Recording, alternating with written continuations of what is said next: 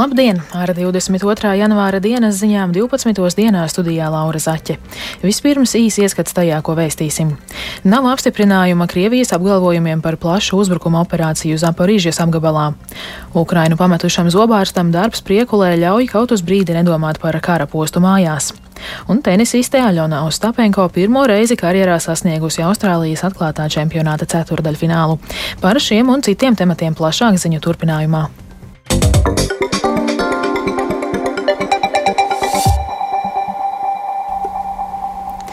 Krievijas apgalvojumiem par plašu uzbrukuma operāciju un panākumiem Zaporīžas apgabalā nav pamata un apstiprinājuma. Par to paziņojuši gan Ukrainas, gan Rietumu valstu eksperti. Vienlaikus norādīts, ka Krievijas draudi rietumiem un solījumi palielināt savas armijas apjomu liecina par gatavību ilgstošam kara draudu periodam. Tēmatu turpina Uģis Lībietis. Vien dažas dienas pēc Rāmsteinā notikušās Rietumvalsts sabiedroto aizsardzības ministru tikšanās daudzu kritizētās Vācijas aizsardzības ministrs Boris Pistorius ir paziņojis, ka drīzumā apmeklēs Ukrainu. Acīm redzot, šo sarunu galvenais mērķis būs precīzāk uzzināt Ukrainas viedokli par kārotajiem Leopard tankiem. Bet tikmēr Ukrainas aizsardzības ministrs Aleksijs Rezņikovs paziņoja, ka Ukraina pašlaik aktīvi gatavojas iespējamam masveidīgam Krievijas uzbrukumam jau pavasarī. Viņš paskaidroja, ka šāds brīdinājums izsaka gan izlūkdienas, gan analītiķi gan ģenerālštāps un rietumu partneriem par to ir zināms. Vienlaikus Ukrainas prezidenta administrācija ir paudusi cerību, ka nākamajā Ramšteinas sanāksmē jau tiks sasniegts progress arī jautājumā par kaujas lidmašīnu piegādēm Ukrainai. Tikmēr Krievijas aizsardzības ministrija vakar paziņoja, ka šajā nedēļā ir uzsākusi plašu uzbrukuma operāciju Zaporīžas apgabalā. Ministrijas paziņojumos norādīts, ka ir ieņemts vairākas apdzīvotās vietas, taču ārvalstu militāri analītiķi uzskata, ka nav nekādu pierādījumu, kas šādus apgalvojumus apstiprinātu. Arī Ukrainas drošības un sadarbības centra vadītājs Serhijs Kuzans apgalvo, ka Krievijas paziņojumiem ticēt nav pamata. І якщо говорити конкретно про запорізький напрямок, то очевидно ж, ja mēs konkrēti runājam par Zaporīžas virzienu, tad pilnīgi noteikti nedrīkst ticēt Krievijas izteikumiem. Taisnība, ka viņu apšaudes ir pastiprinājušās un viņi mēģina atrast vājās vietas mūsu aizsardzībā. Šajā ziņā viņu taktika nav mainījusies. Lieta ir tāda, ka visā dienvidu virzienā Krievijas spēki cenšas nosargāt piekļuvi Azovas jūrai. Tā ir aptuveni 80 vai 100 km josla, kas ļauj ļauj mūsu artillerijai trāpīt viņu noliktavām, komandpunktiem un pulcēšanās vietām. Tieši tāpēc viņi vēlas šo situāciju mainīt. Ja mēs paskatīsimies caur Volnovahu, Berdjansku un Melitopolu iet ceļš, kas viņu spēkus savieno ar Krimu. Viņu uzdevums ir atspiest mūs pēc iespējas tālāk no šī apgabala, kur mēs nodarām viņiem lielus zaudējumus un neļaujam sapulcināt lielākus spēkus. Tikmēr Britu izlūkdienas izvērtējis Krievijas aizsardzības ministrijas šonedēļ pausto vēlmi nākamajos gados palielināt Krievijas armijas skaitlisko apjomu līdz pusotram miljonam, jeb par 11% vairāk nekā iepriekš plānots. Britu spēcdienests uzskata, ka šādu mērķu sasniegt nebūs viegli. Šāda lēmuma, tostarp izveidot Sanktpēterburgas un Maskavas kara apgabalus, liecinot par apziņu, ka arī pēc kara darbības beigām Ukrainā konvencionālā kara drauda Krievijā saglabāsies daudzus turpmākos gadus. Brīta puse arī uzskata, ka nokomplektēt un uzturēt tik apjomīgus spēkus Krievijai būs ļoti izaicinoši. Taču Krievijas agresīvā retorika nebūtu nemazinās. Krievijas parlaments spīkers Vjačeslavs Volodins ir komentējis Ramšteinas tikšanos un kārtībā reiz izteicies, ka uzbrukuma ieroču piegādes Ukrainai novedīs pie globālas katastrofas, jo pret rietumu valstīm varētu tikt pielietoti daudz jaudīgāki ieroči, acīm redzot, kodolieroči. Ar līdzīgiem izteikumiem par iespējamo kodolkaru pēdējo dienu laikā klajā nācis arī bijušais Krievijas prezidents Dmitrijs Medvedevs, kura paziņojumi gan arvien biežāk tiek uztverti vairs tikai ar smīnu. Uģis Lībijams, Latvijas Radio.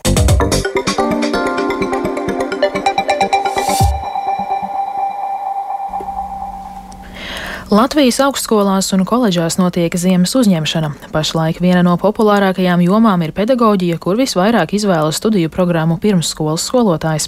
Taču Liepājas universitātē ir izdevies nokomplektēt grupu arī latviešu valodas un literatūras skolotāju studiju programmai. Plašāk Agnijas Lazdeņas ierakstā. Šogad ziemas uzņemšana ir 30 augstākās izglītības iestādēs vai to filiālēs Rīgā un citos Latvijas reģionos, kopumā 170 studiju programmās. Piedāvājums ir plašs un aptver visus studiju līmeņus, sākot ar koledžu un beidzot ar doktorantūru. Tradicionāli visvairāk programmu ir sociālajās zinātnēs, piemēram, tiesību zinātnēs, biznesa vadībā un uzņēmēja darbībā, taču ar katru gadu pieprasītākas kļūst studiju programmas citās nozarēs, kā pedagoģijā, drošībā un medicīnā. Argentīnā. Liepājas Universitātes pārstāve Madara Daudziņa Šuktara stāsta, ka šogad liela interese ir par studiju programmām, kas saistītas ar pedagoģiju. Kā vienmēr ļoti liela interese ir tieši par studiju programmu pirmskolas skolotājs, un arī šogad ir ļoti labs rezultāts. Tāpat mums izdevies ir nokomplektēt logopēdijas skolotājus, kā arī latviešu valodas un literatūras skolotājus. Latvijā kopumā latviešu valodas skolotāju ļoti trūks, ne tikai mums, bet arī citām augstskolām neizdodas piesaistīt tieši latviešu valodas skolotāju profesijai, tāpēc mēs riskējām un izsludinājām arī ziemā programmu. Šobrīd mums ir sasniegts šis minimālais pieslieksnis, lai grupu nokomplektētu. Ceram, ka pēc četriem gadiem Lietuvas universitāte absolvēs ļoti labi pieci latviešu valodas un literatūras skolotāji. Arī Latvijas universitātē populārākā izvēle ziemas uzņemšanā parasti ir pirmsskolas skolotājs, tāpēc šogad tā ir vienīgā piedāvātā studiju programma. Turpina Latvijas universitātes pārstāve Santa Dreimane. Pašlaik Rīgā ir saņemti 63 pieteikumi, valsts filiālē 17 pieteikumi, cēlus filiālē 32 un tukumā 24. Esam uh, priecīgi, jo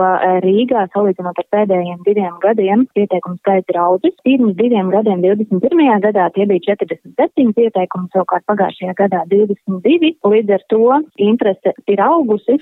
Kā stāsta Rīgas Stradiņa universitātes pārstāve Indra Treja, starp četrām piedāvātajām studiju programmām - tiesību zinātni, ekonomisko drošību, sociālo antropoloģiju un biostatistiku - visvairāk izvēlas tiesību zinātni. Tomēr to nosaka ne tikai interese par konkrēto programmu, bet arī tas, vai tiek piedāvātas valsts budžeta vietas un iespēja studēt neklātienē. Šogad ziemas uzņemšanā mums ir ļoti stabili rezultāti. Uzņemšanā izsludināta četrām studiju programmām programmām, un kopējais studentu skaits, kas uh, uzsāks studijas, šobrīd provizoriski ir 100 studenti.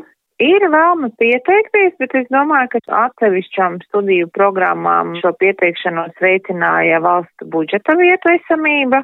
Ziemas uzņemšanā augstskolas un koledžas lielākoties piedāvā iespēju studēt par mākslu, taču ir pieejamas arī budžeta vietas vai īpašas studiju maksas atlaides.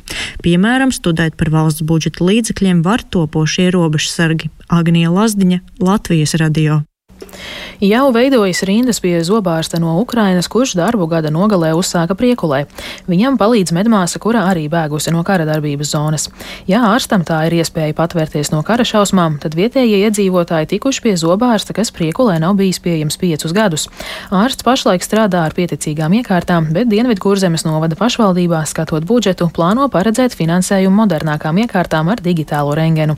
Plašāk Ingas Ozols reportāžā no priekules. Не трогайте, а то еще попадете под сверло. Priekulas poliklīnikā zobārsts no Ukrainas Oleksijas Burjaks sāka strādāt pagājušā decembrī. Tā bijusi vairāku apstākļu sakritība, varētu teikt pat nejaušība stāsta Priekulas slimnīcas valdes priekšsēdētāja Tatjana Ešenvalda. Vārds pa vārdam un tagad Priekulē ir zobārsts. Paldies! Zobārsts no Ukrainas dzīvojas Donbasa reģionā. Skaudrs stāsts par pamestām mājām un drošāks dzīves meklējumiem ārpus dzimtās Ukrainas. Viņš varēs atbraukt brīdī, kad jau sasniedz sasniedzis pensijas vecumu. Donetskā oblast, да, город Торецк, это недалеко возле Бахмута. Esmu no Donetskas. Toreckas pilsēta varbūt esat dzirdējuši, netālu no Bahmutas. Mums ir piecstāvu mājā dzīvoklis, vēl turas, protams, bet bumbas un cilvēki iet bojā. Darbs priekulē viņam ļauj uz brīdi aizmirst par to, kas notiek Ukrainā. Отвлекаешься, конечно, увлекаешься, работа любимая. Protams, ja dara savu mīļoto darbu, tas ļauj novirzīt domas un aizmirsties. Es ilgi gaidīju to brīdi, kad varēšu strādāt savā profesijā. Kamēr gaidīju dokumentus, lai kaut kā varētu izdzīvot, sākumā strādāju kokapstrādē. Paldies uzņēmumu vadībai, kuri man palīdzēja. Es krāmēju dēļus un darīju citus darbus. Oleksijam praksē palīdz ukrainiete Natālija Reutska, kura uz Latviju atbraukusi no Harkivas apgabala. Tur strādājusi reanimācijā. Ukrainā palikuši vecāki un vecvecāki, katru dienu ar viņiem sazinoties. Pagaidām viņa vēl nevar strādāt kā māsa, jo jānokārto visa nepieciešamā dokumentācija. Es strādāju kā medmāsa anesteziologs reanimācijā. Tagad mani paņēma darbā kā reģistratori. Es dokumentus jau iesniedzu oktobrī, bet Ukrainā saistībā ar elektrības pārāvumiem ir kaut kāds apjukums. Es arī nezināju, ka te varēs palikt dzīvot. Godīgi sakot, mēs nedomājām, ka tā notiks. Kad mēs aizbraucām, tur palika vēl sliktāk, tāpēc mums nekas cits neatliek kā palikt šeit. Mums nav kur likties. Piesaistīt ārstu nomaļām lauku teritorijām ir liels izaicinājums, tāpēc šobrīd priekulē par papildus darba rokām, protams, priecājas. Tagad svarīgākais ir jaunāks aprīkojums zobārstam. Dienvidu kurzemes novada pašvaldības domas priekšsarētājs Aivars Priedols sacīja, ka budžeta skatīšanas laikā radīs iespēju šo vajadzīgo summu iekārtiegādēji piešķirt. Ingozola Latvijas radio kurzemē.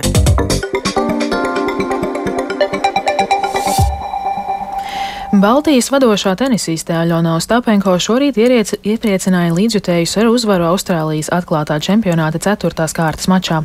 Tajā Latvieta divos setos uzveica ASV pārstāvi Koko Gofu, sasniedzot sacensību labāko astoņnieku. Vairāk par Aļonas sasniegto jau tulīt pastāstīs kolēģis Mārtiņš Kļavinieks. Sveiks, Mārtiņ! Sveika, Laura, un uh, sveicināti arī Latvijas radio klausītāji. Vai Ostapenko sniegums šorīt bija tikpat pārliecinošs kā spēles rezultāts? Ostapenko tiešām spēlēja ļoti labi, pārliecinoši precīzi sita bumbas tālajos stūros no gala līnijas. Jāpiebilst gan, ka pirmais sets nebija tik pārliecinošs, jo viņai bija jāatspēlē septiņas break bumbas, bet viņa to izdarīja sešos gadījumos no septiņiem. Kopumā gan viņas sniegums bija nomācoši, dominējošs. Koko Gofa tika uzveikta ar 7-5, 6-3 un ceturtajā finālā Ostapenko tiksies ar pasaules pirmo raketīgu Šjonteku apturējušo pērnā gada Wimbledonas čempioni Jeļenu Ribakinu, bet mēs tagad varam paklausīties, ko Aļona teica pēc uzvaras. I mean, first of all, thanks, guys, for coming. It was such an amazing atmosphere here. I love to play. Vispirms milzīgs paldies sanākušajiem līdzjutējiem. Atmosfēra bija lieliska. Man ļoti patika spēlēt tādas publikas priekšā. Zināju, ka Gofa ir lieliska spēlētāja, turklāt vēl ļoti jauna. Viņa spēlēja labi, cīnījās līdz pat pēdējam punktam. Man nebija ko zaudēt, tāpēc vienkārši mēģināju spēlēt, cik labi vien spēju, tā lai viņai būtu grūti katrā izspēlē. Esmu ļoti gandarīta, ka uzvarēju. Centos visas spēles garumā saglabāt pozitīvismu, zināju, ka man jāspēlē agresīvi, lai pārspētu gofu. Visa mača garumā izdarīju spiedienu uz viņu, un tas man beigās atnesa uzvaru. So Jā, un jāpiebilst, ka Ļonai ceturtajā fināls Austrālijā ir viņas karjeras rekords šajās sacensībās Laura. Šorīt Nacionālās basketbola asociācijas mačā traumu guva Kristaps Porziņš. Vai ir zināms, cik nopietnas ir šis savainojums? Pagaidām vēl īsti nav zināms, jā, Kristaps gūs 17 punktus, bet tad pameta laukumu, jo sastiepa potīt, viņš neveiksmīgi piezemējās. Vizards komanda gan izcīnīja uzvaru pār Orlando Magic, bet drusku par savainojumu pastāstīja Vizards galvenais treneris Vēs Sansels juniors. Paklausāmies! Uh, ankle, be, uh, uh, Viņš sastiepa potīti, jau rīt Kristapam veiks medicīniskās pārbaudes. Skatīsimies, kāda būs rezultāti. Es nedomāju, ka tas ir kas nopietns. Turam īkšķus. Un vai ir kāds no šodien gaidāmajiem sporta notikumiem, ko tu vēlētos izcelt? Jā, šodien var kļūt par vēsturisku dienu Latvijas futbolā. Raimons Krolis jau šodien varētu debitēt Itālijas A sērijā. Viņš ir iekļauts spēcīgas komandas pieteikumā mačam pret leģendārā Žuzē Muriņo trenēto galvaspilsētas klubu AS Roma. Spēcīgs klubs Roma uzņems šovakar, pulksten septiņos vakarā. Tieši šeit būs skatāma tīmekļa platformā GO3. Tie, kuri jūt līdz futbolam, Raimondam Krolim vai vienkārši grib redzēt iespējams vēsturisku brīdi Latvijas sportā sportā, varat eh, to vērot ekrānos. Bet man par sportu tas arī tad šobrīd viss. Paldies Mārtiņam Kļaviniekam par ieskatu sporta pasaulē.